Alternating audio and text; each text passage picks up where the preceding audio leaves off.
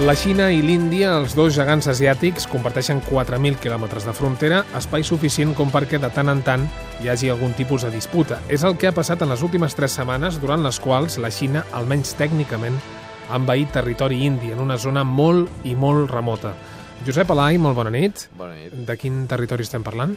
Doncs estem parlant de l'extrem eh, nord-occidental de l'Índia, que és fronterer amb una zona de la Xina que territorialment està dividit entre la zona que ells anomenen regió autònoma de Xinjiang, per tant dels uigurs, i la regió autònoma del Tibet. És una zona que està de mitjana a més de 5.000 metres d'altitud, perquè ens fem una mica la idea, és al final de l'Himàlaia, inici del Karakorum, i en aquesta zona fronterera d'aquests 4.000 quilòmetres que has dit que estan en disputa entre els dos gegants asiàtics, hi ha una zona, que és una zona que és una plana, la plana de Psang, que s'anomena, eh, per la qual han creuat tropes a mitjans del mes d'abril, en concret el, el 15 d'abril, tropes xineses van creuar més de 20 quilòmetres, uh -huh. a, a través d'una línia molt difusa, que és el que s'anomena la LAC, eh, el que ve traduït com la, la línia de control de fet, entre eh, tots, dos, tots dos estats. Aleshores, aquesta és una línia que va quedar marcada a la guerra de 1962 i posteriorment en diversos moviments que ha tingut a causa d'aquesta pressió que s'apliquen les dues potències a través d'aquestes uh -huh. tropes, amb instal·lació de bases, d'instal·lacions militars al llarg de tota aquesta frontera, que és una de les més militaritzades que hi ha al món, i, eh, de fet, aquesta línia marcada per la guerra, qui no la reconeix principalment és la Xina. Sí. I no la reconeix perquè considera que això és herència encara de quan el govern tibetà independent a principis del segle XX va signar un tractat fronterer amb la Índia britànica marcant aproximadament aquesta línia com la frontera. Mm. La Xina actual no reconeix aquest tractat i creu que la seva frontera està molt més enllà. I de tant en tant aprofita per fer aquest tipus d'incursions en territori indi. Però aquest episodi que ha durat uns dies, unes setmanes, s'ha solventat, no? S'ha solventat mm, sense un acord clar, és a dir, hem de tenir en compte que això ho du a terme la Xina en un moment que està a l'espera d'una visita molt important del ministre d'Assumptes Exteriors indi, que ja estava programada a Pequín, i també en espera, els propers dies, d'una visita posterior a aquesta del nou primer ministre de la Xina, Li Keqiang, que viatjarà a l'Índia, a Delhi, amb tot el problema doncs, pel mig de fronterer, amb el problema tibetà pel mig, etc etc, que mm, doncs, eh, hi afegeix encara més tensió a, les, a aquestes visites respectives. Amb tants quilòmetres de frontera, eh, imagino que aquestes coses deuen passar sovint, no? Eh, sí, clar, eh, hem de pensar que són 4.000 aproximadament, mm. no arriba als 4.100 quilòmetres aquesta frontera que es coneix com la línia McMahon, eh, entre el Pakistan pràcticament i Birmània, tot el que era abans Tibet, fronterer amb el sud, però després encara tenim més de 15.000 quilòmetres de frontera terrestre de la Xina amb una multitud d'estats centreasiàtics i estats del nord d'Àsia, fins a arribar a la mateixa Corea del Nord. Ah. I al llarg de tota aquesta frontera, doncs, tradicionalment, evidentment, hi ha, hi ha força tensions. Encara que a nivell terrestre la tensió més important és la que té amb Índia.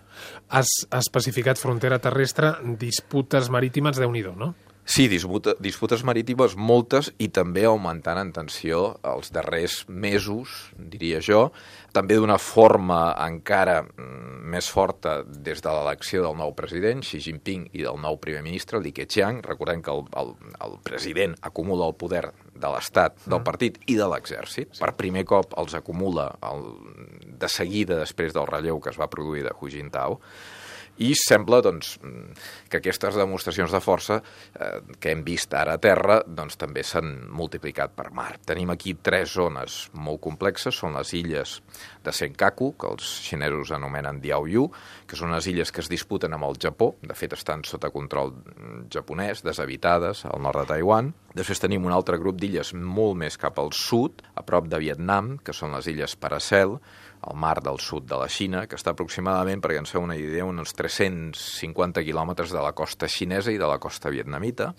I finalment el cas probablement eh, més complex de tot són les famoses illes Spratly, que -huh. són unes illes que estan molt més al sud en aquest mar de la Xina, que estan a prop relativament de la costa de Filipines, i en canvi estan molt lluny de la Xina, estan 1.500 quilòmetres de la, de la costa xinesa, però la xinesa les reivindica com a pròpies disputant-se-les no només en Filipines, sinó en Brunei, Malàisia, la pròpia Taiwan i, a més a més, Vietnam.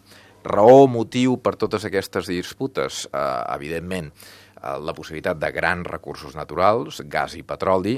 Tots els estudis doncs, suposen que hi ha unes grans reserves d'hidrocarburs en aquestes zones marítimes.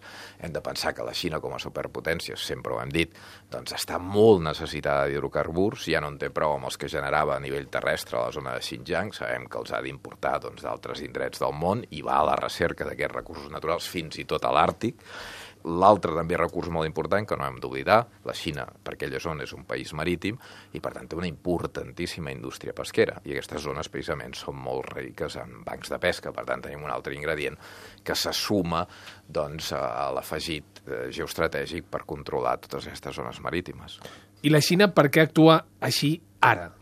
Bé, eh, abans he dit que hi havia aquesta visita del ministre d'Assumptes Exteriors indi. Mm. Si pensem que això no ha estat fruit de la casualitat, és evident que la Xina, amb el seu nou president i el nou primer ministre xinès, que se'n va visitar l'Índia d'aquí poques setmanes, ha volgut d'alguna forma demostrar-li a l'Índia que no està d'acord amb la línia eh, fronterera. I a més li vol demostrar, clar, des d'una posició de força, és a dir, aquest, aquesta incursió xinesa a la Xina no li crea en el seu govern cap inconvenient davant de la seva opinió pública, entre d'altres perquè l'opinió pública pràcticament no se n'entera perquè la premsa i l'opinió no, no és lliure. -huh. Però, en canvi, a la Índia li ha creat una autèntica crisi de govern perquè el govern d'Índia ha estat criticat per als partits de l'oposició i per un ampli marge sector de la societat índia dient que de nou transigia davant d'aquestes amenaces i aquests atacs militars xinesos cap al seu país. Per tant, li crea, el situa en una posició de debilitat respecte a aquestes properes visites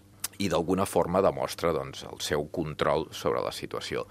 Eh, aviam, eh, com no tenim tota la informació, tampoc, tampoc i dic que també, aquesta, eh, també això s'ha filtrat en, en premsa índia, tampoc es descarta la possibilitat que les, les primeres tropes xineses s'haguessin perdut Uh -huh. És a dir, eh, compte, a vegades no totes les coses són tan complicades com ens pensem. Estem en una zona molt remota, sí, molt remota. 5.000 metres, deies abans. A 5.000 metres d'altitud, sí. en la qual aquesta possibilitat tampoc l'hauríem de descartar.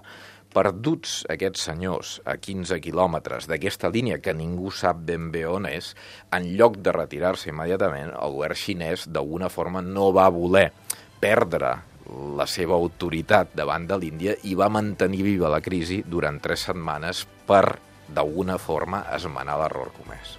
Doncs són els conflictes, les disputes eh, frontereres de la Xina, terrestres i marítimes. Josep Alai, moltes gràcies. Bona nit, fins d'aquí 15 dies. Gràcies a vosaltres. Bona nit.